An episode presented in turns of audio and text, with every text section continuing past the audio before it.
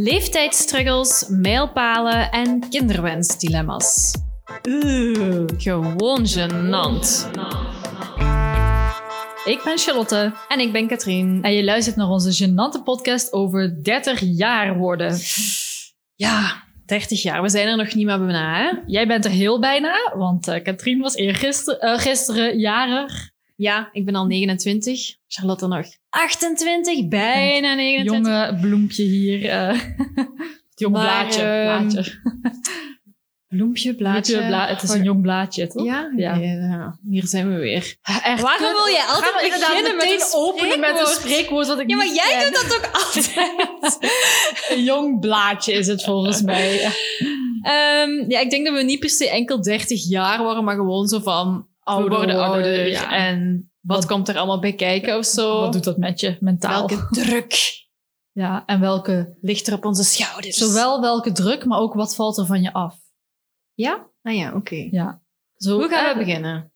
Ja, zeg. Bij jou, want jij bent gisteren 29 geworden, dus jij eh, nadert de 30. Eh, dus ja, vanaf vandaag. Ik ben vanaf vanaf vandaag, vandaag nader je de- de 30. Ja. Dus hoe voel je je daarbij? Heb je daar, ehm, eh, heb je daar een gevoel bij? Zo van, heb je een leeftijd die je eng vindt of zo? Eh, wie weet dat je zegt, ja nee, ik vind 36 pas eng of zoiets. Heb je daar eh, gevoelens bij? Ehm, gelijk dat ik nu 29 ben geworden, heb ik heel weinig gevoelens bij. Om niet te zeggen nul. Dat ik 30 ga worden, denk ik voorlopig ook niet mega hard. Het is wel, ik snap wel dat het zo'n beetje een ding is. ehm, want vanaf dat je 30 bent, is het wel zo van. Richt, tussen 20 en 30 mocht je nog zoekende zijn. Vanaf 30 wordt het zo verwacht dat je misschien iets minder zoekend toch al wel zijt. Ehm, ik denk dan misschien dat dat 40 voor mij misschien nog zo wel een fellere is van dan ligt uw leven bij wijze van spreken al vast hoe het gaat lopen. Dat voelt zo. ook zo ver weg, hè? Ja, Zo van, hallo, ik ben 9 of 28. Ik moet nog niet denken aan 40, want dat is Ja. nog zo ver weg. Terwijl ik denk, oh my god, ik ben al bijna 30. Hoe snel dat gegaan is, zo snel gaat de 40 dus ook komen. ja.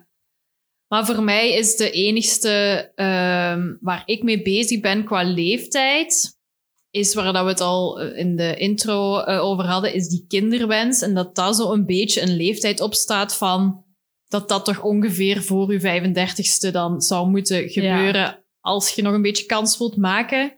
En dan zelfs is het nog niet zeker, maar zo, dat is wel, daarom zit het er wel zo'n beetje voor mij een, een eh, dat vind ik wel eng aan het feit dat ik zo ouder ga worden, want Ja. ik moet dan sneller daar beslissingen rond gaan maken en daarover nadenken. Dus dat is voor mij het kunt op je enigste 40ste zowat. ook nog aan kinderen beginnen. Hè? Allebei mijn tantes hebben hun eerste en enige kind pas op hun 40ste en 1 of 42ste gehad. Dus het, Ja, Ja. maar dat Maar is dan snap- nog minder ehm, eh, je grote kans, denk of, ik eh, dan wel.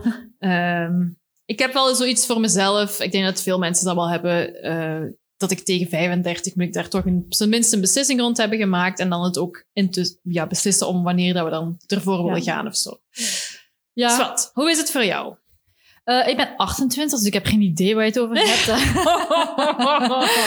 nee, Amai. eh, ik word in oktober 29 en ik heb zo dit jaar een paar keer de opmerking zelf gemaakt of horen vallen van ja, volgend jaar word je 30. En toen dacht ik van, huh, wacht even, ik ben 28, maar inderdaad, volgend jaar word ik dus 30.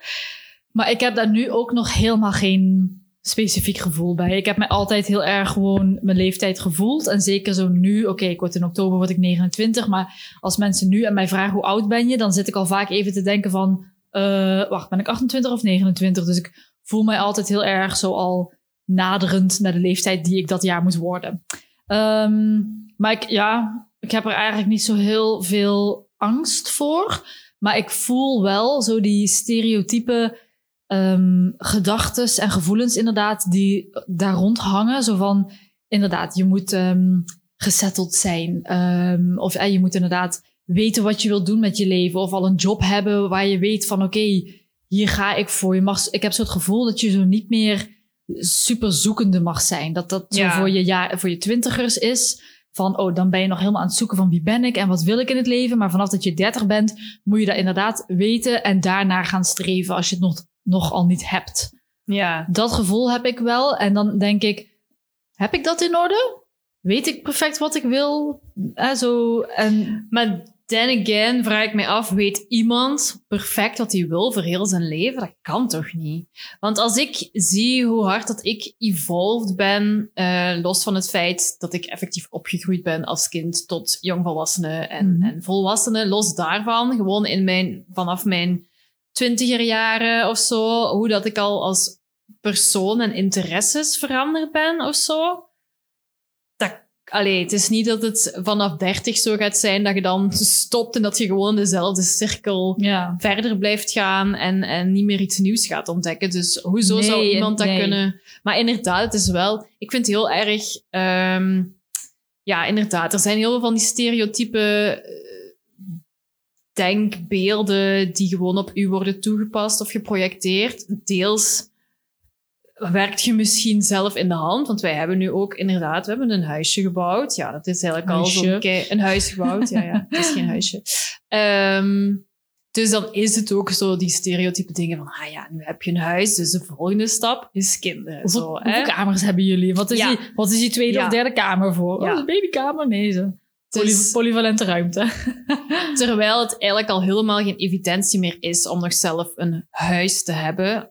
En ik bedoel, om niet gewoon te huren, want het leven Ja. is fucking duur. Nou, op dat vlak denk ik dan soms wel van, oh, op dat vlak zitten wij in de perfecte generatie van, we hebben nog een huis kunnen kopen, van we hebben veel... Nog net, want Nog ik denk inderdaad dat het tijd, niet wij meer Ja. ehm, voor velen niet meer, ja, mo- allee, nu al niet mogelijk is. Laat staan inderdaad, met als alles nog eens duurder gaat worden, is het gewoon nagenoeg Ja. compleet onmogelijk. Ja. Ja, ik heb heel erg zo van, voor mij hangt er zo als stereotype waar rond 30 worden van, je jeugd is voorbij. Zo van, je bent niet meer zo in je twintigers, eh in je, zeg je dat, in je, twintig, in je twintige jaren, waarbij je zo nog op stap ging en je zo jezelf nog een beetje meetelt in de jeugd of zo het jonge volk. Ik heb zo het gevoel vanaf 30 zit je in een andere fase en is het zo meer eh uit eten gaan met vrienden. Ehm, ja, zo wat.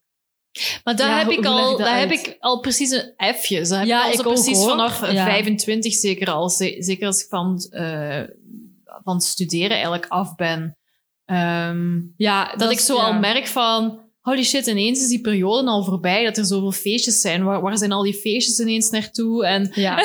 En als we naar een feestje gaan, dan wordt het al zo soms de 30 plus party. 30 omdat je niet meer met de party, ja. 15-jarige op Ja, stap wilt. en dan sta je er al van, waarom is de muziek zo luid? Of, oh my god, laatst waren we naar de bioscoop geweest. Mijn mama, eh, mijn broer en zijn vriendin en dan Sinan en ik. En Sinan en mijn mama hebben zo de hele film zo in mijn oor gefluisterd van... Vind je ook niet dat hij veel te luid staat? Het doet echt pijn aan mijn oren. En ik moest toen zo lachen, omdat ik toen zo voor het eerst het gevoel had bij Sinan al van... Oh, je bent echt oud nu.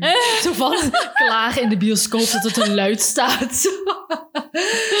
en dat, zo voel ik mij heel erg. En dat is een karaktertrek die ik heel erg heb, maar een hekel heb aan mezelf op dat vlak. Want we zijn bijvoorbeeld gisteren naar de Beekse Bergen geweest. En dan kun je daar dus met de auto rondrijden.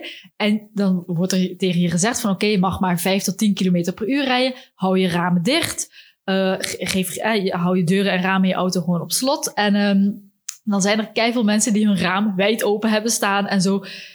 Dan denk ik, hallo, er lopen hier fucking luipaarden rond. En die mensen zaten gewoon met hun raam open. En dan ben ik zo, dan jaag ik mij daar zo heel erg in op. En dan heb ik Lopen er van, echt luipaarden rond in de Beekse Bergen? we zijn met de auto door een paar, waar ze letterlijk naast de, naast de autobaan lagen twee luipaarden. En daar waren mensen met hun raam open. Dan kan ik me dan zo in opfokken van, ze luisteren niet naar de regels. En we gaan een nummerplaat opschrijven. en zo, en zo boos kijken naar ze als we ze passeren. Ja, en dan denk ik, Slot, je bent echt een oud wijf. En Sinan die voelt dat ook heel erg. Als een, ik merk dat hij zich zit te ergeren aan mij van... Kind, waar, waar ben je mee bezig? Zo van, zit niet Ja. zo eh, de oma uit te hangen, bij wijze van. Zo de fun police. Ja, Dat ben ik ja inderdaad. En dan voel ik me oud.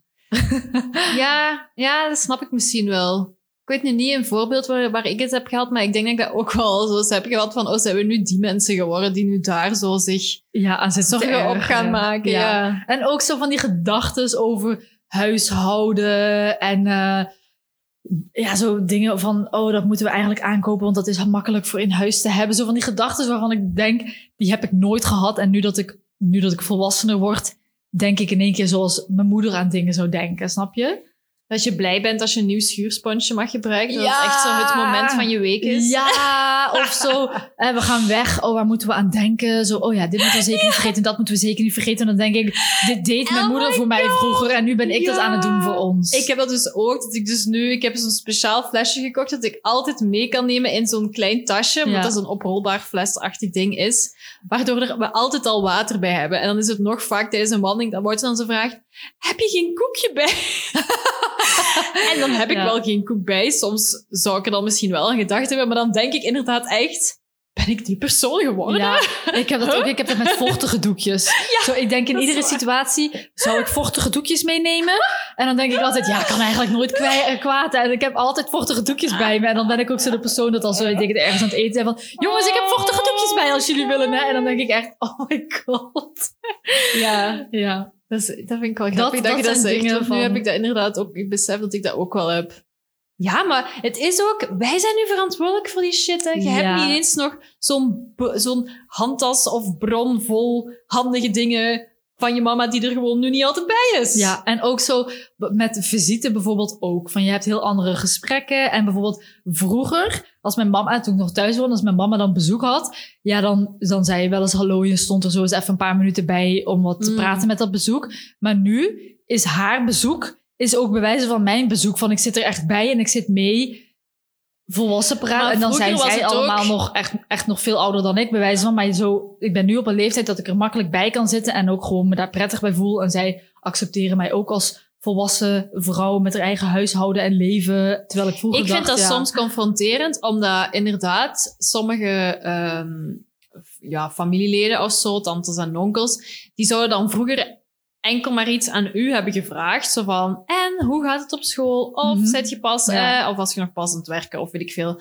Daar gauw iets. Maar je vroeg eigenlijk nooit echt iets terug. Of in ieder geval Ja. ik niet. Maar nu zit je zo in de positie dat je ook dingen aan hun moet vragen en dat je zo denkt, fuck, ik weet daar eigenlijk helemaal niks over. Waar moet ik in godsnaam beginnen? Ja. zo.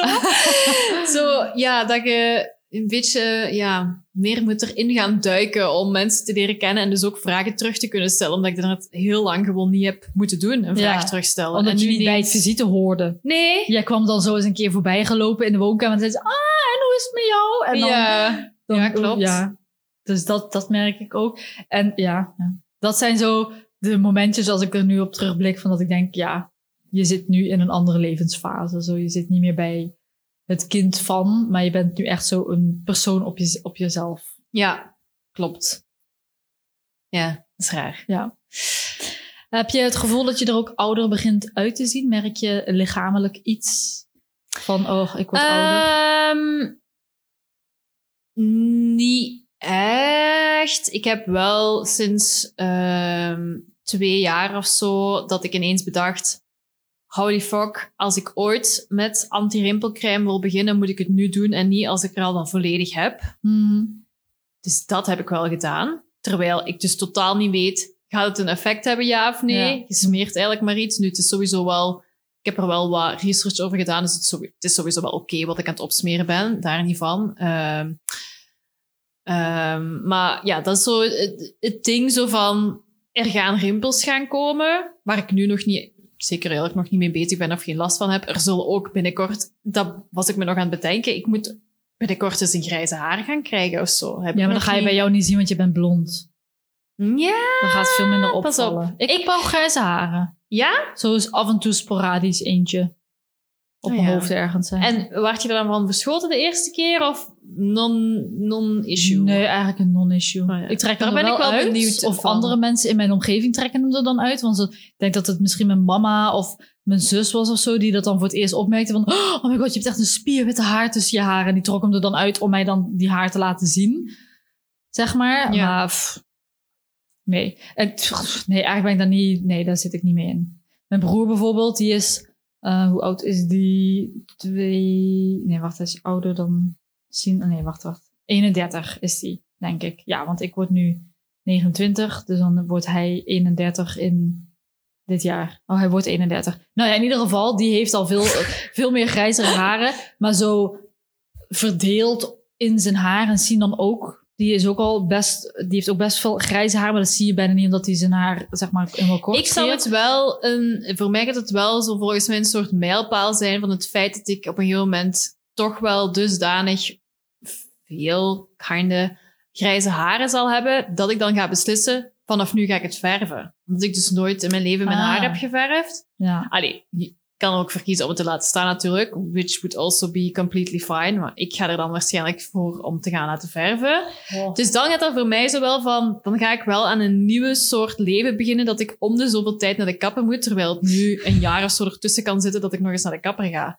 ja. Snap je? Dat zou voor mij wel een impactvolle levensverandering zijn. Ik kan me dat niet voorstellen bij jou, omdat jij blond bent. En ik denk dat jij, jij als je nu grijs haar zou krijgen, gewoon totaal niet opvalt. En dat het eerder heel erg, op, heel erg opvalt, meer opvalt bij mensen met donker haar dan bij jouw haar. Dus om het te kleuren. En ja, ik kleur mijn haar al heel lang. Ik heb nooit eh, langer dan een maand zo hetzelfde. Dus misschien dat ik het daarom ook al heel lang niet bij mezelf heb gezien. Omdat ik mijn haar zoveel aan het kleuren ben, dat die grijze haar geen tijd heeft om op te vallen, bij wijze van. Die ene ja. die er zo eens af en toe eh, tussen zit.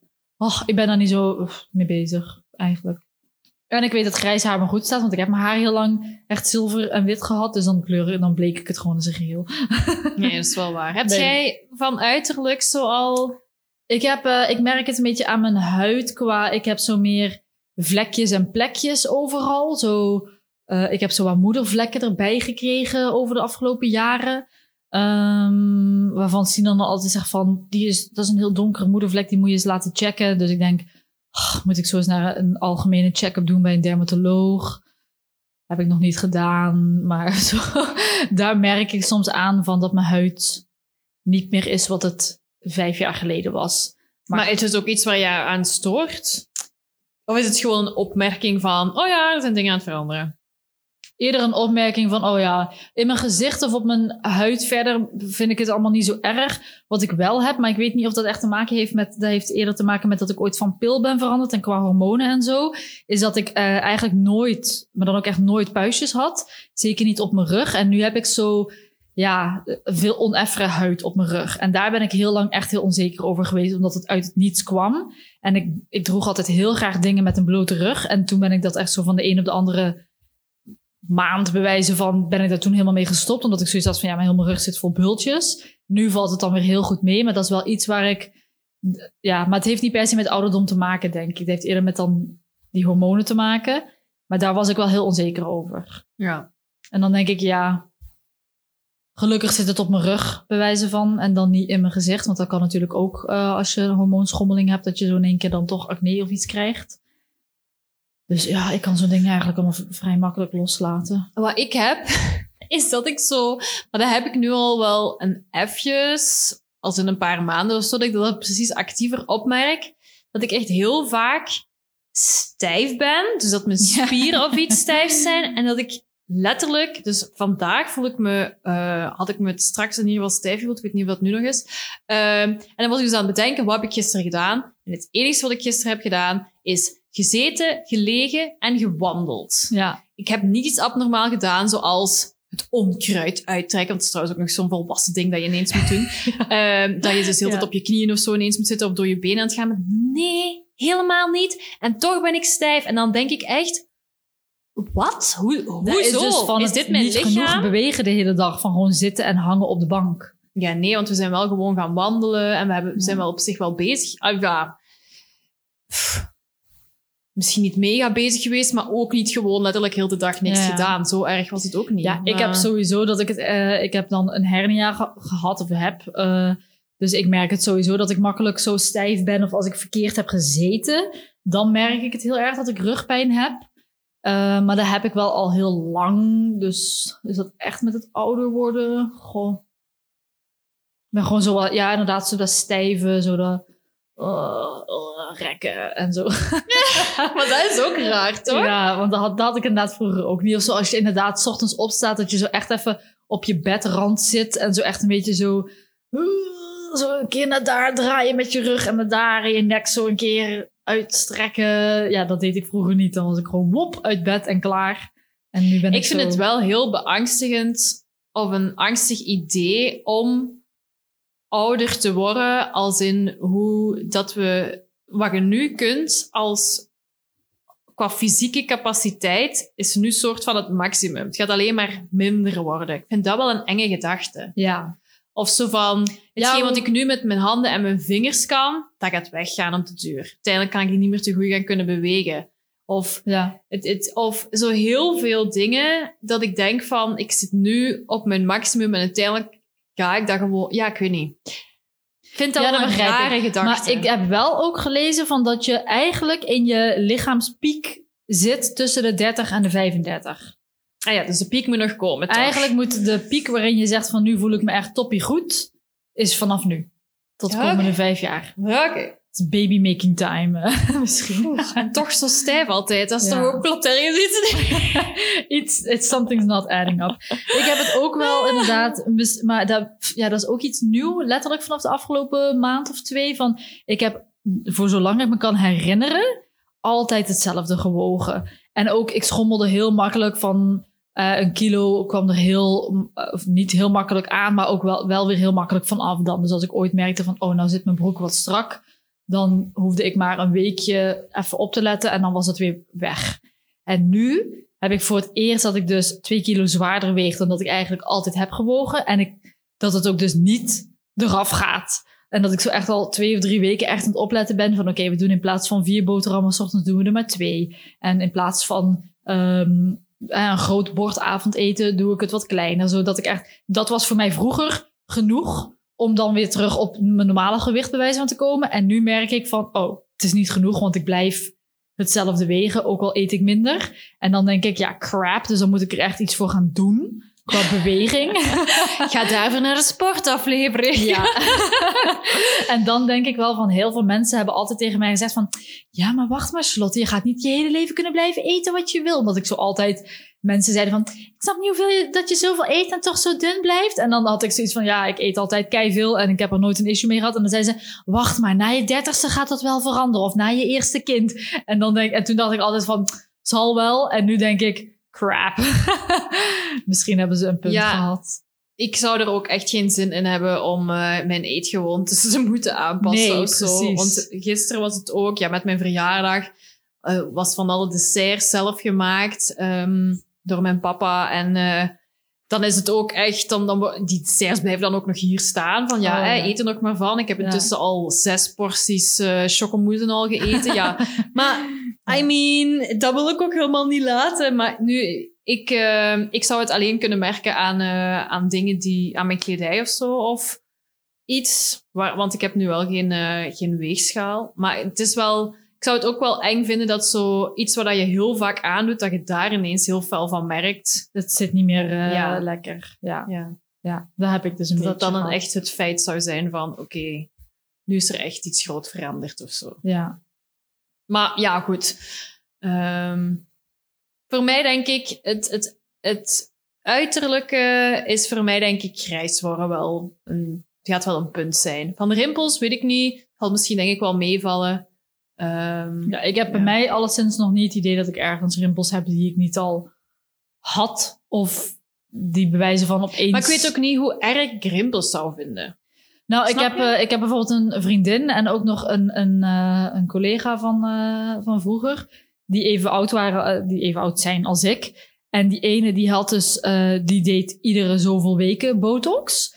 Eh, en die was dus ook heel casual over. Ja, omdat Maar zij... ja, botox moet, als je daar iets van Moet moet, je je natuurlijk doen, ook ja. vroeg beginnen. Ja. Je moet vroeg beginnen, want ze zegt van als je rimpel bewijzen van die waar je botox in wil, bijvoorbeeld zo'n fronslijn boven, eh, tussen je wenkbrauwen, dat is vaak zo'n, eh, dat zijn er vaak één of twee duidelijke en die, zijn, die kunnen zo zich echt zetten, weet je wel, die kunnen zo echt diep gaan.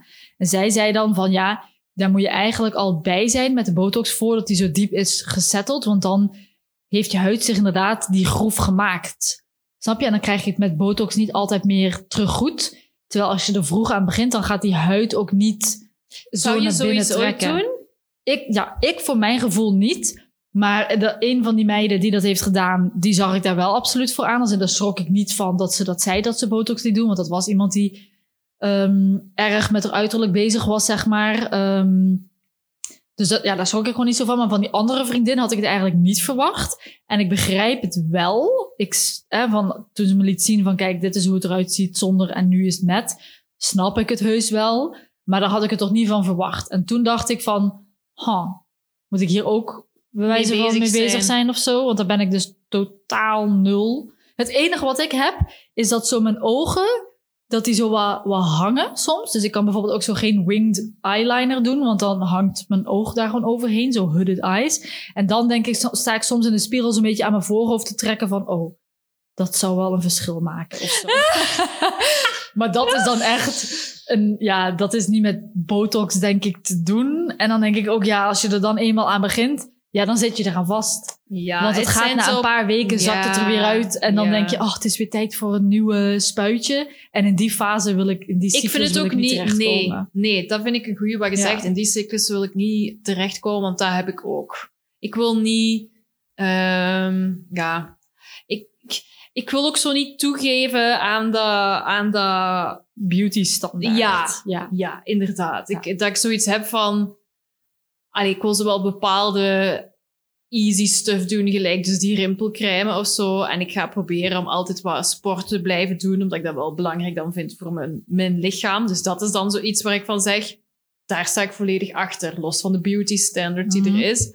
Maar inderdaad, dan echt zo van die high-end, of ik vind dat toch high-end, ook qua kosten waarschijnlijk, stuff gelijk dan botox te gaan doen, vind ik, dat vind ik dan wel zot. Ja. Ja. Dat vind ik dan toch juist weer, inderdaad, daar, daar voel ik mij ook helemaal niet toe aangesproken om daarmee te beginnen. Maar mensen die dat willen doen, uiteraard. vrij. Ja, inderdaad. Iedereen is daar vrij in. Maar ik, heb dat, ik voel de druk nog niet om daar overal in mee te gaan. Nee. Maar goed, ik ben ook nog maar 28.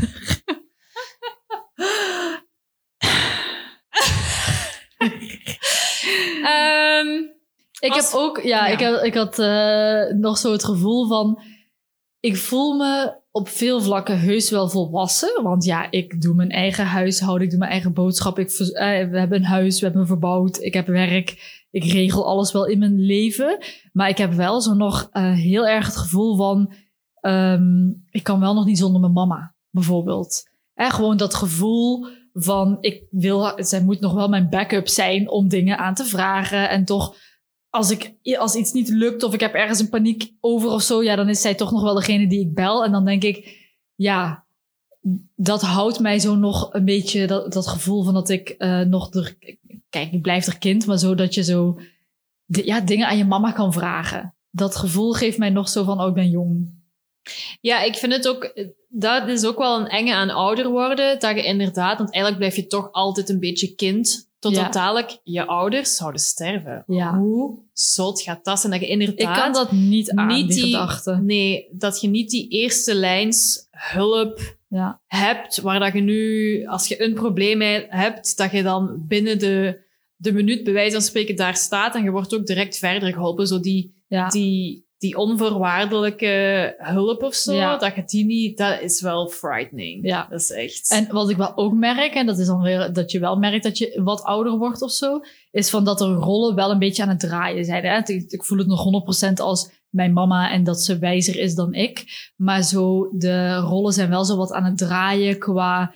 ehm, bijvoorbeeld, zij hoeft vaak niet meer naar plaatsen te rijden, want wij rijden dan. Snap je? Als je zo ergens Ja. samen heen gaat en ik help haar va- eh, wel vaker eens aan dingen denken van, hey, vergeet je dit niet? Of Ehm, zo ja, op sommige vlakken merk ik een beetje van dat ik dingetjes in de gaten wil houden of zo voor haar. Terwijl dat vroeger natuurlijk omgekeerd was. ja. Dat je zo een beetje de moederrol van je moeder een beetje gaat omdraaien. De moeder-dochterrol. Ah, ja, dat is wel gek. Ja, dat heb ik nog niet heel erg. Ja, ik denk maar dat dat inderdaad, bij dat jou ook wel anders is, misschien. Ja, jouw ouders zijn ook nog samen. Die wonen, en jouw zussen die wonen nog daar. Maar mijn mama die is dan ja, alleen. Dus dan heb ik ook veel meer het gevoel van... Ja, ik wil af en toe toch even checken van... Ja, Hoe is het? Ja. Ja, ja. Zo, dat gevoel. ja. En dan voel ik me dus zo de volwassene. Ja, nee, snap ik wel. Ja. Ja. Ik vraag ook nog heel veel aan mama. en dan weet ik van oké, ik weet nog niet alles. Snap je? Goh, dear God, ik weet echt helemaal nog niet alles. Daar ben ik ook al wel lang uit. Ik vind dat ook heel raar dat je... Ja, ik weet niet. Ik vind het ook raar dat, die verantwoordelijkheid dat je, dat je heel, heel het, de financiële kant van de wereld is zo, of, of, de, of zelfs ook de, de politieke kant van de wereld. Of er zijn nog zoveel dingen dat ik echt zoiets heb van, ik sta letterlijk op positie nul, want ik ben totaal niet mee. En toch, ehm, toch, ik ben gelijk voor mij, dat is misschien nu iets kleins, maar allee, klein is eigenlijk zo klein is het niet, maar bijvoorbeeld gaan stemmen. Dat is uw verantwoordelijkheid. Ja. En ehm heel de financiële kant van dingen, leningen, bankzaken, omgaan met geld is echt zo huge verantwoordelijkheid. Dat ik echt zo denk van holy shit, hoezo, hoezo manage ik dit? Ja. Hoezo? En ik doe dat toch obviously niet goed. Ik bedoel, dat weet toch iedereen?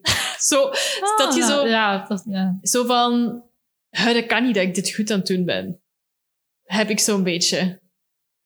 Ja, dat snap ik. Hoewel als ik aan jou denk, jij hebt mij ooit zo je documentje laten zien van heel jullie huisverbouwingen. Dus zo'n Excel-bestand waar alles dan zo helemaal netjes in stond. En toen dacht ik dan weer, oef, Katrien doet het veel beter dan ik. Want ik heb nog alles echt in een papieren map qua administratie. Eh, ik heb ook dingen uiteraard op de computer staan. Maar zo, ik weet niet. Ik, ja, ik heb zo weinig vertrouwen in mezelf als verantwoordelijke volwassene. Daar komt het eigenlijk op neer. Ik hoop dat je bazen dit niet horen, maar... ja, ik vind dat wel, ik vind dat heel gek dat ik die dingen nu aan het managen ben en dat er geen overkoepelende instantie mij Die jou nog controleert. controleert. Ja, vind ik heel raar. Ja. Maar met je privé dingen. Ja. Ja. ik weet niet wat ik daarop moet zeggen. Dat gevoel heb ik niet zo. Maar wel de angst van als ik een brief krijg... ehm, en dat daar iets in zou kunnen staan. Of zo bijvoorbeeld met belastingen. Ik ben zo bang van de belastingsbrief. Omdat ik doe daar zo niks mee. Ik controleer een beetje van... eh, dat je zo... ze hebben het dan al ingevuld, maar dan moet je controleren of de gegevens kloppen.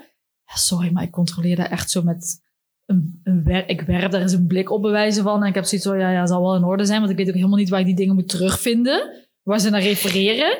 Dan denk ik, ja, zo je... ja, van die dingen krijg ik ook stress. Maar ik probeer er dan wel werk van te maken. Maar Ja, krijg er ik laat veel dat zo... Ik, ik doe dat zo'n beetje onder het tapijt vegen. En dan hoop van, ik dat het ik zal nooit... wel. Ja, maar Ja. ik ben dus doodsbang om bewijs van een brief dan ooit te krijgen van... eh, we hebben gemerkt dat je al drie jaar je belastingen niet correct aan het invullen bent. Dus je moet zoveel duizend euro's betalen of zoiets. Ja, Daar ben ik dan wel heel bang voor. Daar van die angst dingen heb ik Of ook zo, wel. Dat dat ineens alles komt. wat, alles wat echt met strafbaarheid en zo rechtszaakachtige dingen zou kunnen. Ja. Stel je krijgt bijvoorbeeld ergens een boete die, waarbij je dan zoveel te hard hebt gereden dat je moet voorkomen of zo. Ja, dan denk ik echt dat ik flauw val. Als ik, zo, als ik zo'n brief in de bus zou krijgen van je hebt 150 gereden waar je maar 80 mocht en je moet voorkomen voor de rechter om dit te verdedigen. Dan heb ik echt zoiets van, moet ik nou een advocaat gaan inhuren of zo? Van, oh my god. Ja. Wat we bijvoorbeeld ook laatst kregen. We hebben ons huis gekocht. En die vorige eigenaren, die hebben dus hun domicilie al die tijd niet verzet. Dus ik, ik krijg nog steeds na twee en een half jaar of zo post van hen in de brievenbus.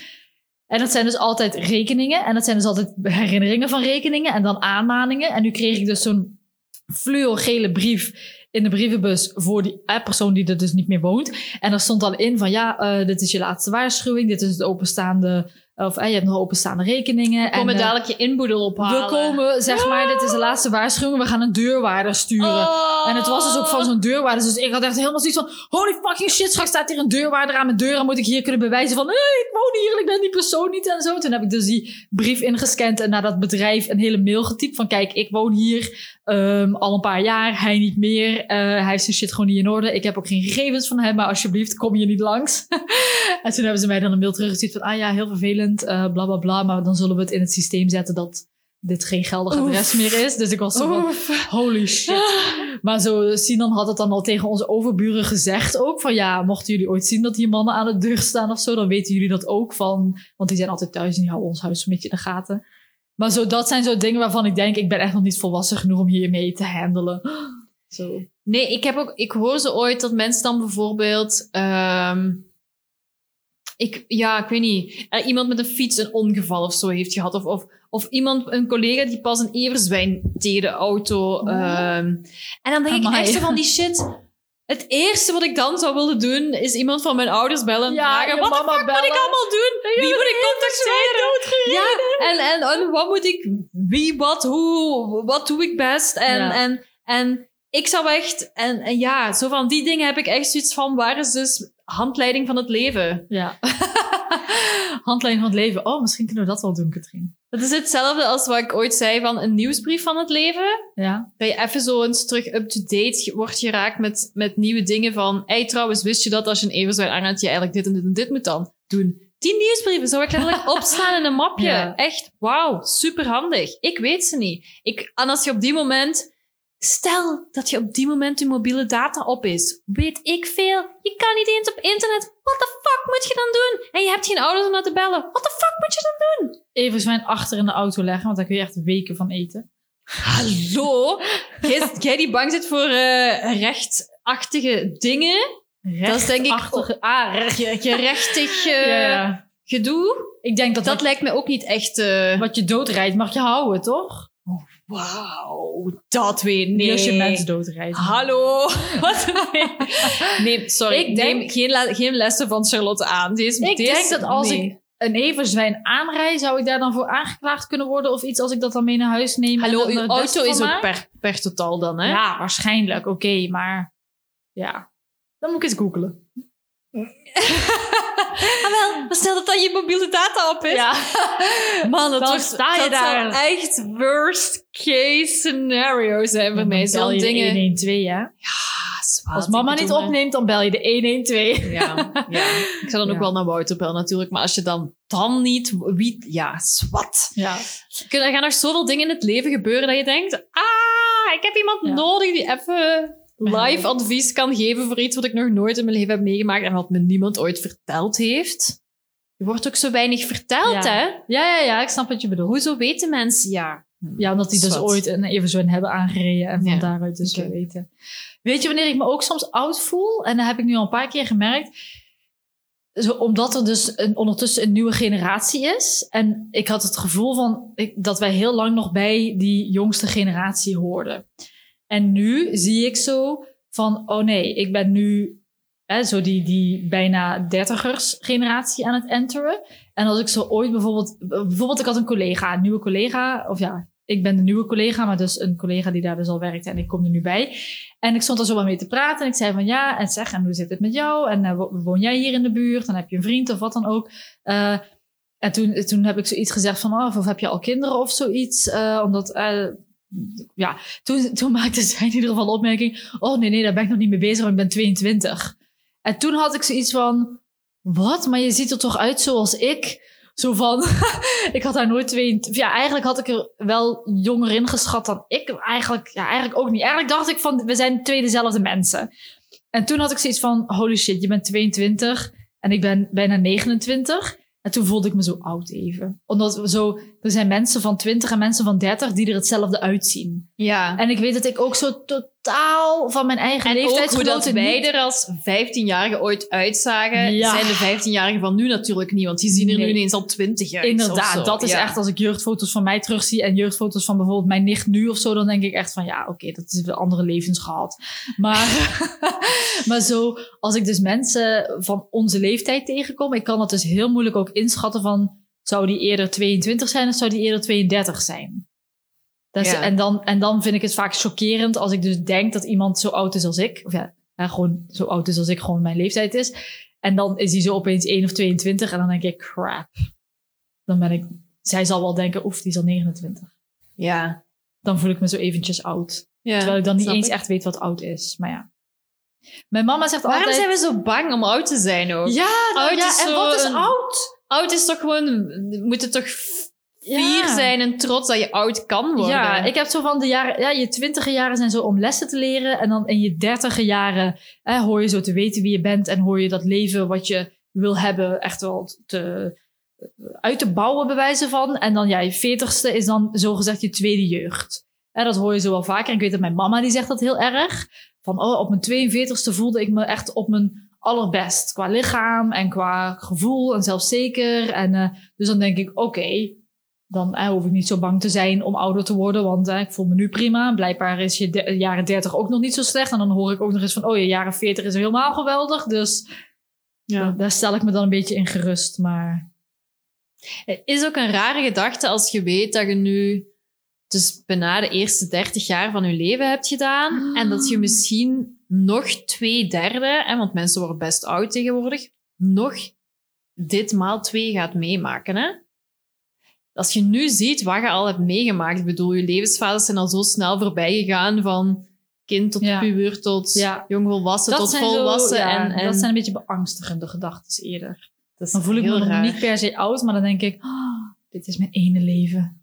Leef het. En soms vind ik het ook raar van, wat, het is, wat als ik nu tien jaar geleden een andere keuze had gemaakt, dan had ik een heel ander leven. Ja. En was ik toch dezelfde persoon in een heel ander leven. En dat had gewoon ook gekunnen. Maar de beslissingen die ik heb gemaakt, hebben ervoor gezorgd dat ik nu soort van dit pad aan het bewandelen ben. En dat het niet meer 360 graden gaat draaien. Het gaat nog wel veranderen. Maar het is wel soort van een pad wat ik aan het volgen ben. Dat ik misschien, als ik een andere keuze ooit had gemaakt, een heel ander pad was geweest. Maar dat, dat kan altijd nog. Ik bedoel, je kunt Dat kan nu ook het nog altijd. omgooien als je wil, hè? Ja, maar toch vind ik dat soms beangstigend dat je wel al bepaalde dingen... Het feit dat ik een huis heb in Lommel. Ligt Ja, je locatie ja, al vast hier in Lommel? Nu niet vast vast, want uiteraard, ik kan zeggen doei en ergens anders gaan wonen. Maar snap je, ik ben ook getrouwd. Ik heb zo wel het gevoel van... Shit's, shit's real. Ja. Dit, dit, er is wel al een soort Ja. pad dat al een Ook beetje daar, daar kun je vanaf, hè, Katrien. Tuurlijk, ik wil zeker niet zeggen dat je er niet... Maar snap je wat ik bedoel? Er is Ja. zo wel een bepaald richting gemaakt van je pad en dat gaat niet meer 360 graden wijzigen. Unless you want to, dan natuurlijk, dan gaat het nog wel. Maar ik bedoel, maar we zijn al wel echt in een richting aan het gaan. En Ja, ik soms vind het, ik dat wel eng van... Shit, er liggen al bepaalde dingen wel eigenlijk al soort van vast. Quote-unquote vast. Snap je? Dat Ja. vind ik zo wel iets angstig. Ja. Dat begrijp ik, dat begrijp ik. Soms vind ik dat heel erg gek. Want ook als je dan denkt, ik ga nog wel twee keer 30 jaar, dus allee, dat we nu nog maar een derde ver zijn misschien van ons leven, terwijl dat dit al allemaal vast ligt en misschien ook dus zo gaat blijven, vind ik ook raar dat dat altijd zo gaat blijven. Terwijl ik dat ook wel wil, maar ook is het heel raar. Ik weet niet, ja. Het Ja. wordt echt zo'n psychologische mindfuck.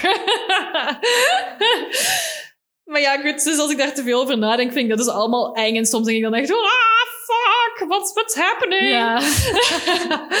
ik snap dat, maar ik heb dat, ja, ik heb dat ook wel als je soms inderdaad zo blijft hangen op dezelfde vraagtekens in je hoofd, dan kun je zo even crazy worden. Ja, dus ja. En dan, ja, heel met alles met die, ehm, ik weet niet, moeten we het daar nog over hebben, kinderwens, ja. Wij zijn daar alle twee Ja. zo heel erg nog zoekend in. En sommige Ja. mensen weten het dan al, of er zijn mensen die inderdaad vroeger bij u in de klas hebben gezeten en die nu al met vier kinderen rondlopen. Oh dat ik denk, my, ja. holy shit, hoe, hoezo is dit gebeurd? En, en wist je dat dan zo zeker? En hoezo weet ik dit niet zeker? En- Dat, ja, dat denk ik ook wel. Als ik zo inderdaad vergelijk met andere leeftijdsgenoten, dat ik denk, holy shit, inderdaad, die hebben al twee kinderen. En dan, dan, ja, dan ga je vergelijken en afvragen van wat is beter of zo. Van, doe ik het dan beter? Ja. Of, doen, of zijn zij handen, eh, be- beter bezig? Of hebben zij hun leven beter op orde omdat ze al weten wat ze willen en daar ook mee bezig zijn? Maar het ding is dat je het van, nooit eh, weet want niemand is 100% eerlijk en niemand zal ooit zeggen, weet je wat, die vier kinderen zou ik nooit gedaan hebben als ik weet wat het inhield. Niemand gaat dat 100% eerlijk zeggen. Dus je weet het ook letterlijk nooit. Je kunt er niet achter komen of ze ooit gelukkiger gaan zijn dan Ja. u of andersom. Ja.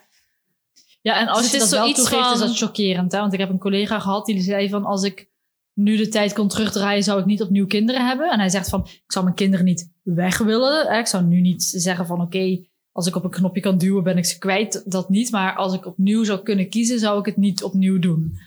En dat was toen zo chockerend voor sommige andere collega's... die dan ook kinderen hebben, die echt zo... Ja, hem daar echt op aanspraken van... ja, ik vind het echt niet oké dat je dit zegt. Terwijl ik zoiets had van, ah, verfrissend. Ja, ik heb ook iemand die iemand, dat eerlijk zegt. ook ooit één iemand gehoord die inderdaad effectief zei van, zonder een kind waren we even gelukkig geweest. Ja. Hoewel dat we nu niet meer zonder kunnen, Ja. omdat je de persoon hebt ontmoet, dat je kind hebt ontmoet en dat dat gewoon iemand leuk blijkt te zijn. Ja. maar ehm, ja, dus dat vind ik ook heel verhelderend. Dat, Maar toch heb ik niet het gevoel dat we veel van die verhalen horen. En inderdaad, het is constant vergelijken. En het is altijd zo die what if en die fear of missing out. Van, ja, zouden we nog Van- 50% gelukkiger kunnen worden? Ja, dan waarom nemen we die kans dan niet? Omdat misschien ook- worden we ook 50% minder gelukkig. Of misschien wel 100%. Of ja. ja, en, en ja, I don't know. Het is zo... Al die... En daar vind ik dus die, die time sticking. Het feit dat onze eicelletjes eh, Ja, met de tientallen eruit zitten te gaan per uur, weet ik veel. Ja. Ik weet niet de juiste cijfers, maar... Het is compleet belachelijk dat we de meeste eicellen bij onze geboorte hebben, want dan kunnen we nog niet eens kinderen Ja, maken. Dus ik vind het een compleet belachelijk systeem. Lichaam, als je aan het luisteren bent, verander jezelf. Ja, en ik probeer dus heel erg voor mezelf met die hele kinderwens, probeer ik er heel nuchter in te blijven. Eh, ik weet niet of ik dit al ooit eerder had verteld in een andere aflevering of zo, maar ik heb heel erg de angst dat dus als mijn eh, zo je moederklok gaat tikken, dat is iets emotioneel. Snap je? Dat zijn je hormonen die je hersenen overnemen en implantaten bewijzen van of implementeren in jouw hersenen dat je kinderen wil. Dus en dan ben ik dus heel bang dat ik aan kinderen begin, terwijl eigenlijk nuchtere, nadenkende Charlotte op dit moment eigenlijk altijd heeft gezegd: nee, ik wil denk ik niet. Want dit en dit en dit en dit. Zeg maar, ik heb nu zoveel meer nee's in mijn hoofd dan ja's. Ik heb bijna geen enkel gevoel dat ja zegt. En ik ben dus heel bang dat als ik over bewijzen van drie of vier jaar dan tegen de 35 zit en dat zo je moederklok begint te, rinkelen, dat ik niet meer over mijn ehm, echte Gevoelens. Ge- ja, dat ik niet meer mezelf ben, Ja. maar overheerst wordt door dat gevoel van het is nu of nooit. Je moet er nu aan beginnen, je wilt een moeder worden. Terwijl dat eigenlijk niet is wat ik al 28 jaar bij wijze van voel of zo. Ja. Daar ben ik heel bang voor. Dus ik probeer, zo, ik probeer daar heel nuchter in te blijven. Maar iedereen zegt dan ook van ja, maar op een gegeven moment ga je dat ook. Je gaat dan ook denken dat je het wil. Snap je? Omdat dat iets emotioneel is, iets hormonaal, wat jou Is dit, hoofd ook is dit overneemt. feitelijk? Is dit wetenschappelijk, wat u nu aan het zeggen bent? Goh, ik zou Want het, ik denk, denk- dat ik het zou kunnen vergelijken bij wijze van met eh, een rare vergelijking misschien, maar zo geil zijn. Dat is iets emotie, dat is iets hormonaal. Dat heb je eigenlijk niet in de hand, maar je bent het of je bent het niet. En dat is denk ik met moeder willen zijn ook. Maar je wilt het of die- je wilt het niet en je hebt het niet onder controle. Die En je kunt dan nog wel klok. Ja. Is dat wetenschappelijk, Ah, feitelijk, oh, dat vraag ik ik mij niet. af. Want soms denk ik ook, is dat niet gewoon de sociale druk dat je op alle sociale media van alle mensen van dezelfde leeftijd ziet dat die kinderen krijgen en dat jij ineens bedenkt, fuck, we moeten dit ook doen. Ja, dan zal ik er maar aan beginnen. Of zo, I don't know. Nee, dat heb ik niet zo. Of ja, daar laat ik me toch. Dat is niet wat mij. Ja, tot ik nu vraag toe me af of dat, of dat, dat die, die biologische klok, of dat niet gewoon een mythe is. Vraag Ja. ik mij af. Ja. Nou, dat vraag ik me dus eigenlijk ook af. Maar ik ben dus heel bang dat als het echt is, dat ik daar dus intrap. Ja. Terwijl ik eigenlijk nu, dat mijn biologische klok gewoon nog aan het slapen is, zeg Dit is maar. ook een mindfuck hoor. Als je mijn dingen juist een mindfuck vindt, deze is er ook eentje. Snap je? Stel, de biologische klok is inderdaad echt. Dan wil ik hè, de batterij er even uittrekken. Want ik wil niet... Ik wil, als ik een kind zou maken, wil ik dat dat 100% een bewuste keuze is. En ik heb het gevoel dat het heel vaak een hormonale keuze is. En dat wil ik niet. Ja. Want dan daarna, als die hormonen bewijzen van over zijn, dan zit je wel vast met dat kind. voor Dan kom je tot reden en dan denk je, what En dan have I denk je, done? what the fuck heb ik gedaan? Want dit is eigenlijk, dit is, dit, nou heb ik precies wat ik eigenlijk nooit wilde. Omdat ik paniekmoment had, omdat mijn biologische klok aan het tikken was, dus heb ik er maar eentje gemaakt. Maar eigenlijk heb ik heel mijn leven gezegd nee. Wat ik ook een heel enge gedachte vind, is stel dat we uiteindelijk zouden beslissen, ja, we willen een kind, dat je het dan probeert en dat het dan niet lukt. Ja. En of je dan zou kunnen bedenken van, ja nee, we hebben ook zo lang getwijfeld om een geen te doen en dit is nature telling us, dan doe het maar niet of zo. Ja, Of I don't know. Dus dat, het is ook van, het is ook niet gewoon van we beslissen om een kind te hebben, dus hebben we een kind. Dat, dat is dus niet zo. ja. Dat vind ik ook Ik- eng dan. Ik heb daar heel intense gesprekken ooit ehm, mee, eh, over gehad, omdat, ja, dat ging toen over, stel je hebt een miskraam of zo, en ik voor mezelf hè, dat is puur voor mezelf, had toen meteen de gedachte van stel ik zou een miskraam hebben, dan denk ik echt dat dat mijn lichaam is die ook bevestigt van eigenlijk wilde je dit ook niet. Ja, Ja. ja. ik ga er nu niet te veel op in, maar ik had zo heel erg het gevoel van dit is misschien, weet mijn lichaam dat je Misschien Het weet niet- mijn lichaam het antwoord en wilt hij iets zo vertellen. Nee, of zo misschien, stel ik ga tegen, eh, kijk, eigenlijk voel ik van binnen op dit moment, eigenlijk, ik schrijf het nog niet in, eh, ja, ik In steen, in steen inderdaad, ja. Ik, het is niet Waarom schrijven. doe ik Ja, waarom doe je dit? Het is volgens mij niet schrijven, het is niet in steen kappen. Ja, Steen. eh, Ja, bijtelen. Eh, We mogen ik, dit ehm, niet doen. Ik karf het niet in een ons steen. tegen. Maar ik, mijn gevoel zegt nu, je wilt geen kind. Stel, ik ga tegen dat gevoel in en ik heb wel een kind en het zou dan dus niet lukken. Dan denk ik dus ook teruggaand van, misschien is mijn lichaam ook dus nu al aan het zeggen van, maar Charlotte, je kunt geen kind hebben, dus we gaan alvast ook ervoor zorgen dat je er ook geen wil. Snap je? Want het gaat je toch niet lukken. Dat mijn lichaam dat naar zichzelf aan het communiceren is. Dit is echt Dat één denk ik complete mindfuck aflevering. hè. Deze zegt mensen gaan niet kunnen we slapen inderdaad- na deze aflevering. En we zijn veel te hard aan het uitweiden over die hele kinderwens. Daar moet- hadden we maar een aflevering apart over moeten maken. Maar nee, maar ik vind wel, het, is, het past wel in deze aflevering. Want Ja. ik vind dat het wel iets is Want dit is wel die 30 levensfase, jaar. Dit is ja, echt die fase. Waarbij je daarover aan het nadenken bent. En het is gewoon eng dat sommige mensen dat precies maar beslissen gelijk dat ze beslissen wat ze gaan eten die avond. En dat andere mensen er letterlijk vijf jaar over moeten nadenken om te beslissen, gaan we een kind hebben of niet. Ja. Snap je? Dat is Ja. gewoon raar. En dat, Ik heb, je ziet het zo gebeuren in je omgeving, eh, dat voor sommigen een normaliteit is. En voor anderen is het zo van, "W- wacht eens even, willen we dit eigenlijk? Ja. Zo. ja, ja. ik heb gewoon het gevoel van, stel we zouden nu zeggen van, oké, we willen eraan beginnen en het blijkt niet te lukken voor ons of wat dan ook. Dan denk ik dat ik bij mezelf zou denken, ja, maar dit Dan wist, had het niet moeten zijn. ja, ik Dat- wist dit al. Terwijl, Want dit is waarom ik het niet wilde. ja. Terwijl voor heel veel mensen, die willen misschien wel heel graag een kind. En als het dan toch een miskraam is, laat je Dat is- zeker niet er tegenhouden. En als je er verder voor wilt gaan, dan doe het zeker en luister dan niet naar ons. Absoluut, 100%. Ik zal nog even een klein feitje erin gooien, omdat ik hoorde dat laatst. En toen dacht ik, oh, dat is misschien ook iets wat niet veel mensen weten. Maar ik had een eh, kennis en die wilde heel graag veel kinderen. En ik polste zo'n beetje van, en zijn jullie er dan ook echt mee bezig? Of eh, hoe gaat het daarmee of zo? En toen zei ze van, ja, maar ik heb een paar maanden geleden miskraam gehad. Dus ik ben er nog even van, we hebben daarna even pauze ingelast, maar we gaan nu binnenkort alweer proberen opnieuw. En toen zei ze dus ook van, één op vier zwangerschappen zet niet door. Dus is een miskraam of lukt niet of wat dan ook. Eh, en van dat je er inderdaad dat dan dat je daar zeker niet moet door laten discouragen, van eh, ontmoedigen. Ga vooral door, want blijkbaar is het al één op vier die al niet lukken. En Ja, dat, daar schrok ik van, van holy, veel is, ja. dat is echt heel veel. Dus Ik heb ooit wel een ander cijfer gehoord.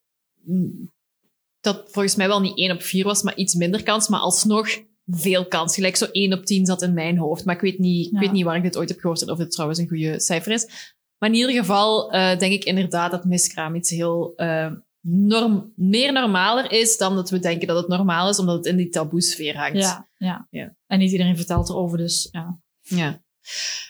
Ehm, moeten we het nog ergens over hebben? Ik had nog, ehm, wat ik van mezelf heel onvolwassen vind, is dat ik nog steeds fucking naïef ben en nog steeds mega onhandig ben. Dat ik denk, wie heeft me ooit leren leven? Want I can't do it. Leren leven.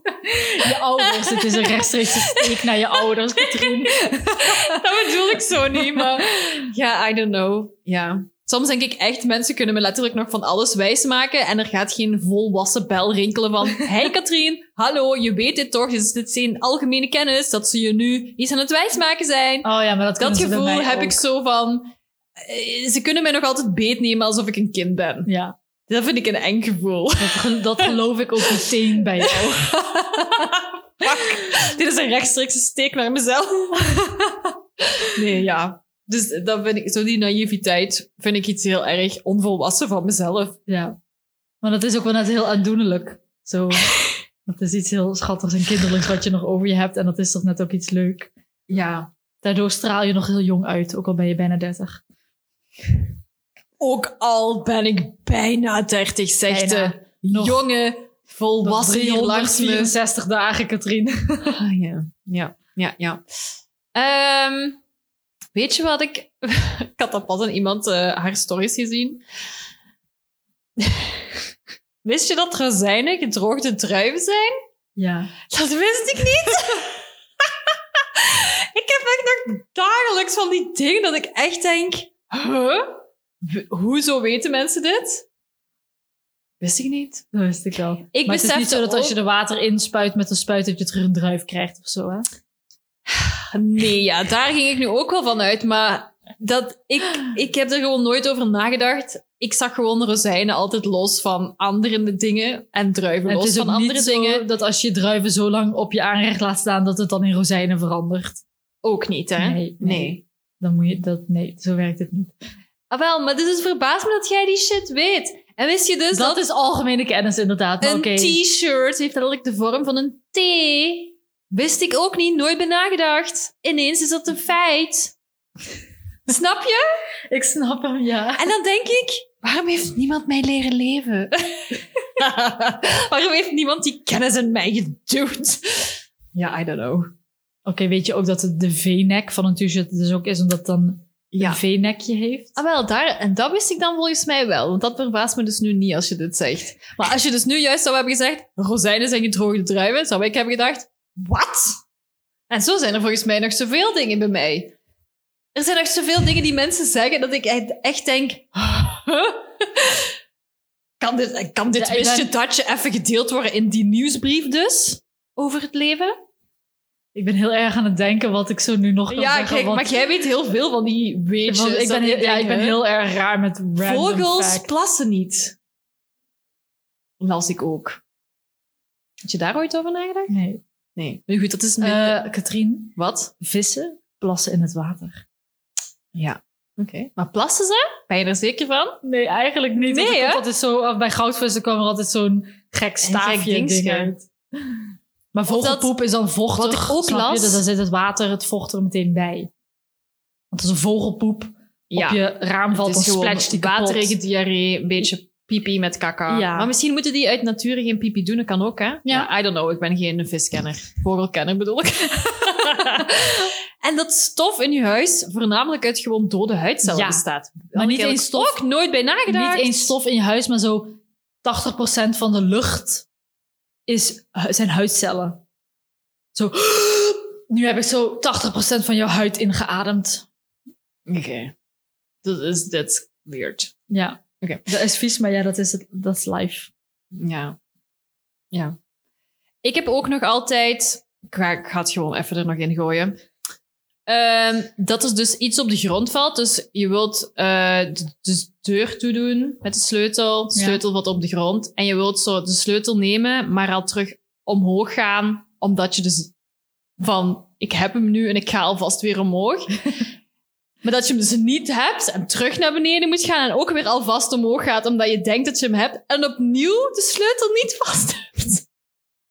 ik, hoop, ik hoop dat mensen dit Dus je herkennen. staat een Maar dit heb ik heel vaak, dat ik denk dat ik het al heb, maar ik ga omhoog en heb ik het nog niet, moet ik mij weer bukken. Ga ik weer omhoog, heb ik het opnieuw niet en Dus- moet ik het dan nog eens... Dus eigenlijk om terug te komen op het begin van de podcast, jouw vingers en handen werken nu al niet meer. Nee, ik heb zo van die dingen dat ik denk, in godsnaam, ze kunnen mij toch niet als volwassen bezien? Dit is ik wil raar. deze scène zien gebeuren. Ik heb dit heel vaak aan de Er staat hand. gewoon zo Of- of een yoga van, kan ik meteen aanraken? Nee, Nee, oh, niet. kledingstuk Oh, nee, oh, wilt... ja, nee, dan- dan ben ik al... Je wilt dan een kledingstuk pakken en je grijpt dan voor, maar je gaat dan al terug recht, want je denkt dat je het al ongeveer hebt, maar je bent al te vroeg recht. Ja, ik heb dat heel vaak aan de hand. Ik hoop heel erg dat iemand ons laat weten dat hij dit ook meemaakt, want Ja. ja. Swat, ehm, ik heb nog zoveel van die onhandigheidsdingen, maar daar gaan we misschien niet over die uitweiden. hebben we ook al eh, uitvoerig besproken in de volwassen zijn aflevering en het niet volwassen zijn voor Katrien. Oké, dus hebben we het. We, hebben, we hebben onze shit nog niet volledig together, ook al we zijn zijn we na eigenlijk niet 30. echt bang om ouder te worden. We zijn niet bang om ouder... Ja, voor bepaalde dingen. voor het Ehm, getal niet zo. En Misschien mensen de- moeten gewoon de verwachtingen niet op ons leggen. We gaan dat ook niet bij andere mensen doen. Gaan we Ja. beloven dat we dat niet bij andere mensen doen? Ja, ik doe dat wel moeilijk. niet. Ik zal nooit tegen iemand zeggen, en wanneer beginnen jullie aan kinderen? En wanneer ga je alleen wonen? Ja, Ja. ik weet niet. Misschien soms zit er wel echt ingeburgerd in, hè? maar ik ga Ja. erop proberen te letten. Ja. Oké, Random afterpraat. Ik heb een random afterpraat. Iets wat eh, er nog aan gaat komen. eh, waar Oh. ik eh, erg stress voor aan het opbouwen ben. Terwijl ik denk, slot, waar ben je mee bezig? Ik heb nieuw werk. En ik heb... ehm, het is in een best wel nette omgeving. En ik heb mijn benen vol tattoos staan, maar mijn armen niet. Dus ik heb al regelmatig blote armen. Maar ik heb dus tot nu toe altijd al of een lange rok of dus gewoon broeken aangehad. Maar het is heel erg zomer. Ehm, en ik heb dus, het, is een mega drempel voor mij om dus de eerste keer met blote benen naar het werk te gaan. Omdat ik dus tattoos op mijn benen heb en niemand weet dat daar. En ik heb geen zin in de reacties erop. Of ze nou positief of negatief zijn, ik zou gewoon zo graag Neutraal. Je wilt Gewoon- eigenlijk, ja. ja, doe gewoon alsof dit normale benen zijn. Je hoeft niet te zeggen van, oh, oh my god, ik wist niet dat je zoveel tattoos had. Of, oh, alleen dat had ik nu echt niet gedacht. Of, en wat betekenen ze allemaal? Oh, laat ze zien. En nee, ik wil gewoon dat mensen niks zeggen over mijn tattoos. Maar ik voel heel erg aan dat het daar een omgeving is waar bijna niemand tattoos heeft. Dus er veel reactie op gaat komen. ja. En daar heb ik gewoon zo geen zin in, dat ik dus aan het vermijden ben. Dat je al bijna zo een mailtje gaat moeten sturen. Ik ga morgen met ehm, geen lange broek komen. Je gaat dus mijn benen zien. Er staan tattoos op. Maak er alsjeblieft geen punt van. Doei! Ja, ja. of wat ik, wat ik nu dus aan het denken ben om te doen, is ik heb zo'n ehm, zo'n scherm achter mijn computer staan, dat zo een beetje eh, mijn collega tegenover zo wat afschermt, dat ik zo mijn eigen Een privacy pri- wand, een privacy wandje inderdaad. En daar wilde ik zo foto's en ditjes en datjes in prikken, zoals die muur die jij hier bij wijze van hebt met allemaal leuke kaartjes en, de, en zo. En toen dacht ik van, als ik daar nu een foto op prik, waar mijn benen op te zien zijn met tattoos, dan kunnen mensen bewijzen Al van een beetje al, eraan gewend al aan gewend geraken als ze voorbij mijn bureau komen of ze zien die foto's. en, Oh, leuk, is dat, oh, is dat, je vriend? Of oh, is dat je hond? En dan, oh, my, heb jij zoveel tattoos op je benen dat ik bewijzen van al kan commenten op de foto? zodat ze het bewijzen van eigenlijk al weten van oké, onder die broek zitten tattoos, zodat ik niet Maar dat op zou je dan wel oké vinden. Omdat het dan minder direct confronterend is omdat het op een foto is. Ja, ik wil niet, want omdat op de foto kunnen ze alleen maar dan beseffen van, oh oké, ze heeft tattoos. En dan kunnen ze wel zeggen van, oh ik wist niet dat je zoveel tattoos had. Maar dan kunnen ze niet op dat moment zeggen, trek je broek eens uit dat ik ernaar mag kijken. Maar als ik dan de volgende dag in een jurk kom, dan zullen ze misschien minder geneigd zijn om dan te zeggen van, oh, dat wist ik niet. Kom maar, laat eens zien. Snap je? Mm, ja. Dat is hetzelfde als dat iemand zijn benen Ja, bewijzen van, ja nee, ik ga die vergelijking niet eens maken. Eh, Maar dan zou je dus, maar als je dan de tactiek doet met je privacywand foto ding, dan moet je dus bijhouden of iedereen het gezien heeft, om dan te beslissen vanaf nu kan ik dus vrij, ja. Ik snap wel, ik snap wel dat het vervelend is. Ja. Het is ook, ehm ja.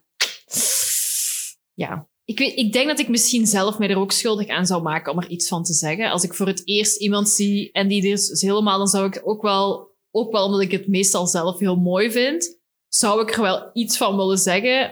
Ik weet niet of ik er een vraag over zou stellen, maar dus ja, ik snap wel, ja.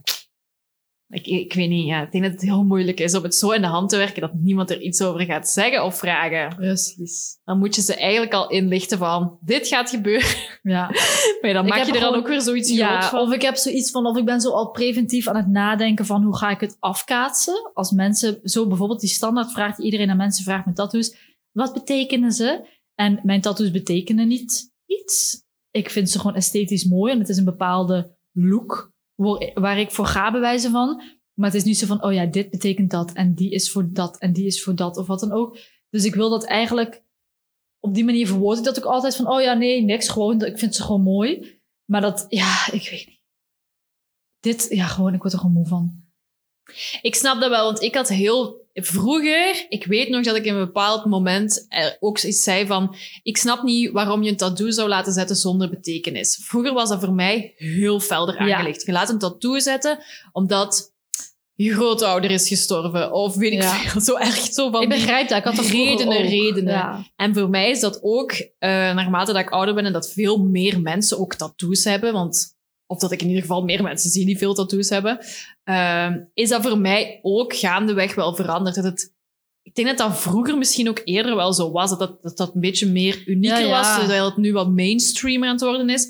En dat, de, dat bij dat unieke dat het wel heel vaak werd gedacht van... Ah, er zal een reden achter zitten. Of dat dat ook wel soms het justified waarom dat je dat hebt. Ja. Omdat er zo'n mooie reden achter zit. Maar het was ook, En- er waren ja, inderdaad ook wel redenen, zoals bijvoorbeeld, ja, een kapitein had een anker vaak. Ja, oké, als je dus vroeger iemand met een anker zag, dan wist je, het is ook wel heel vroeger. Zo Ja, ja, maar ik. zo- Ik, ben, ik ben nu wel bijna 30 jaar, Charlotte, maar in die tijd Nee, was maar zo van, het is wel ooit begonnen met heel veel betekenis, erachter. erachter. Maar dat Terwijl het nu eigenlijk een beetje... kunst, Ja. vind ik. Ja, dat het echt een, een, een mooie prent op je lichaam is om het... Ja. eh, gelijk een accessoire dat je zou dragen. Ja, zwart. Ja. Dus inderdaad, het is, wel, het is zo aan het veranderen. Dus ik ben ook wel minder en minder aan het vragen als ik iemand zou tegenkomen, inderdaad, wat de reden was, terwijl ik dat vroeger zelf ook deed. Ja, ik vind het Ik ben er gewoon... intussen achter dat dat inderdaad niet zo is. het feit dat ik tattoos heb, v- ik vind het vervelend dat mensen dan dus ook meteen denken, die wil erover praten en die, die wil over tattoos in het algemeen praten. En,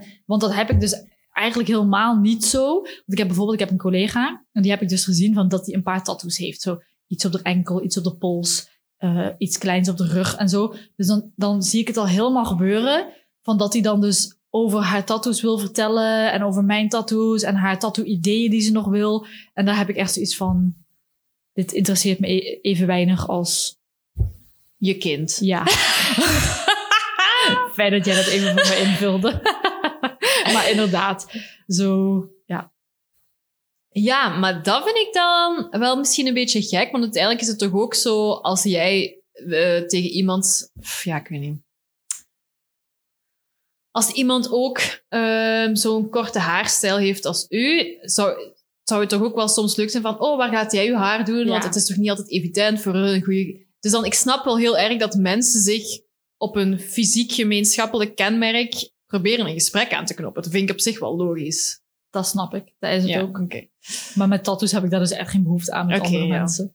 Dan denk ik, ik denk dat je mensen gaat moeten inlichten van tevoren, Charlotte. Nee, ik ga niks anders op. Ik ga het gewoon, ik ga gewoon, eh, hoe zeg je Als dat? je eens een keer Ik echt... wilde weer een uitspraak doen, ze de kogel moeten doorbijten, of wat is het daar? doorbijten, is het niet? Nee. Waarom, Charlotte, doe je iedere keer zo? De kogel... Wat is het met de kogel? De, De spits moeten afbijten. Nee, want dat is het eigenlijk ook niet. Want het is niet zo... De kogel is door de kerk? Ah, voilà, dat. Is ja. het dat? Ja, maar dat is dan als het dus eenmaal gebeurd is van oké, ik ben met mijn blote... Als ik nu volgende week zou zeggen, oké, ik ben met een jurkje naar het werk gegaan. De kogel is door de spits, of wat was het? Of de kogel is door door de kerk. Stop! De kogel is door de kerk. Dat Ja. betekent, de beslissing is ge- genomen, de knoop is eindelijk doorgehakt. Ja, oké, maar dat is het eigenlijk ook niet echt. Ja, de En beslissing waar je dat dan, waar je dan in aan het bijten zijt, dan weet ik al niet wat dat spreekwoord... De spits eraf bijten. Ah, dat was dat dan juist, ja. Ja. Ik zat door de met de kogel en de spits. En ja, oké. Je Laten moet verder gewoon, gaan. wanneer je Eh, echt zo opstaat dat je echt denkt, fuck, ik voel me zo zelfzeker vandaag, Ja. dan moet je wel de kans Ja. grijpen. Bam. Ja. Ehm, ik had op het werk, ik moest nog eens helpen aan de body, wat ik niet vaak moet doen en dus ook niet zo heel erg fijn vind. Because you know, mijn social skills lenen zich er niet echt voor.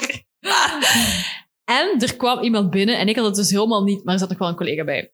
En die maakte een soort, ehm, ja, hoe moet ik het zeggen? Ja, een soort geluid. Ik weet niet. Maar ik dacht direct dat die iets Fransachtig zei. Ik weet niet waarom. ik weet niet waarom. Oh, nee, Ehm, nee. Ehm, omdat we hadden wel heel veel Fransen gehad. En ik weet niet, het, het- ik weet niet waarom ze zag me er Frans uit of zo. I don't know. Dus ik had al zoiets van, oké, dit wordt voor mijn collega, want die kan veel beter Frans dan ik. Dus ik was al een beetje aan het zo'n oude, oude, zeg je dat? Ik was van, ja, never mind. Maar toen deed hij dus van alle tekens naar mijn collega. En ik was echt niet mee. Ik stond er zo bij te kijken van, wat, wat is er nu eigenlijk aan het gebeuren? Maar dat was dus een vrouw die dus doof was en ook niet kon praten. Ja. Allee, of ja.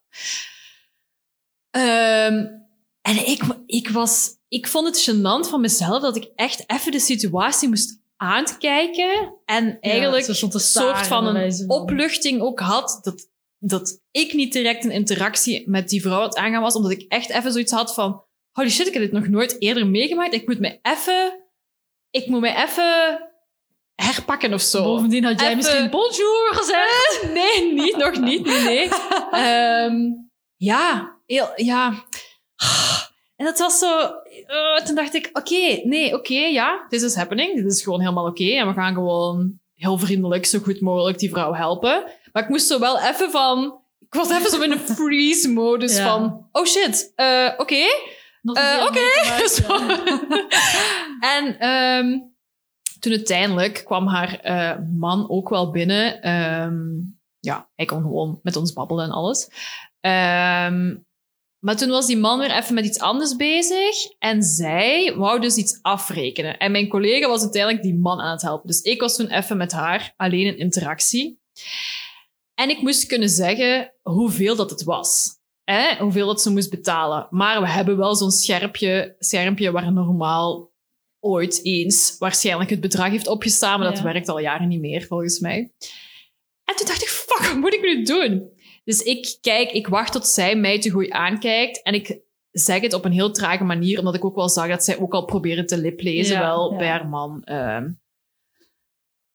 omdat ik ook even dacht, eh, huh, wat moet ik nu, hm? Ja. wat moet ik doen? Ga je met je vingers En toen, gebaren of zo? ja, I don't know. Ik was weer zo in een freeze dingen Ja. van, wa- wat, wat is nu de gewenste reactie wat ik nu eigenlijk moet doen? En toen kwam die man, die had het dan toch een beetje gespot dan van in de verte of zo, I don't know.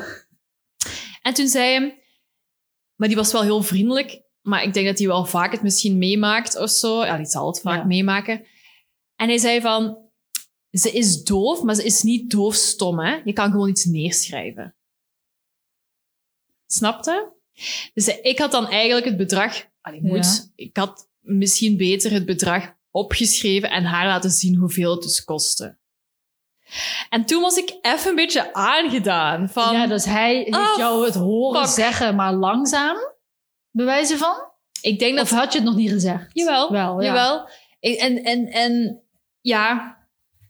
En ik denk niet dat zij te goed dan... eh, Ja, ik weet niet. Het, was, het ging toen helemaal heel snel. Voor mij ging het sowieso heel snel, want ik was echt totaal... ik was een beetje flabbergasted van heel de situatie. omdat Ik, het, ik vind het erg van mezelf, maar toch was het zo. Ik had het gewoon nog niet meegemaakt en ik wist dus ook niet... En inderdaad, ik kon iets neerschrijven. Maar dus die man zei dat zo'n beetje van... Ja, ze is misschien wel doof, maar ze is niet doofstom. Hè? Ze kan gewoon lezen. Je kunt gewoon iets neerschrijven. Ik zei, ja, nee, dat is inderdaad waar. Ik kan inderdaad gewoon iets neerschrijven. Allee, ik, ik, ik, ik, ja, Ja, je gaat dan zo ik ging er ook wel ja. gewoon mee in. eh, maar goed, toen uiteindelijk had die man al wel wat duidelijk gemaakt hoeveel het dan kostte. Want had het dan denk ik toch niet te goed kunnen liplezen van mij. Is wat. Ik voelde mij er gewoon daarna van, fuck, dit was awkward. Eh, ah, Ja. ja, dat. ja, want doof-stom... Doof is gewoon, ja, dus niet kunnen horen, maar doof-stom is inderdaad ook niet kunnen praten. Of, maar Eh, hij bedoelde het dan als in, ze is niet ze is doof-stom, niet- ze is niet is stom. niet- is niet je hoeft niet, stom. je hoeft niet langzaam tegen haar weet te niet, praten ik weet niet ze... of doofstom nog oké is om als woord tegenwoordig te gebruiken. Ik weet niet of dat het, mensen dat zo nog gebruiken. Ik denk niet. Ehm doofstom is een term die in het verleden werd gebruikt voor mensen die prelinguaal oei, doof zijn en daarnaast niet of slecht verstaanbaar kunnen spreken. Prelinguaal, dus dat je dus al doof bent voordat je kunt praten. Ah ja. Als jij of ik nu doof Ja, worden, ja. dan kunnen Ah, wij praten, omdat we dat hebben geleerd ons hele leven. Maar als je doof wordt geboren, dan, dan weet je ook niet wat praten is, zeg maar. Maar ik denk dat die doofstom, dat dat nu al niet meer wordt gebruikt. Maar in ieder geval, bij mij bedoelde hij inderdaad van, ze is niet stom. Hè. Je kan gewoon wel iets neerschrijven en dan kan ze het ook. Dan kan je perfect met haar communiceren. Ja, En ik was gewoon even zo caught in the moment van, fuck, ja. shit, dit was awkward. En ik was er zo even niet goed van. Ik voelde mij zo, ja, ik weet niet, precies aangevallen, terwijl het was helemaal niet. Maar Ja. ik dacht van, ah shit. Ja, ja dat snap ik. Dus dat was even een awkward momentje. kut, ja. Ja. Oké, goed. Dit was het eh, letterlijk dan, want voorlopig houden we het voor bekeken met dit tweede gênante seizoen. Ja, we hebben enorm genoten van het maken van deze podcast. Vooral gewoon jij en ik onder elkaar, denk ik. Eh, Heel en we erg zijn, lachen. Ja. we zijn al onze luisteraars super, super dankbaar. En ook voor alle feedback die we hebben gekregen. En leuke reacties en verhalen die we mochten delen van jullie. Eh, maar we gaan er inderdaad voorlopig even tussenuit. Wie weet komen we nog terug. Misschien met een wat ander concept of wat dan ook. Uh, dat moeten we nog een beetje uitpluizen. maar tot die tijd, stay awkward en super bedankt. Ja, dus aan die vier luisteraars, dankjewel. Bye bye, genante dwaalmpjes. Doei.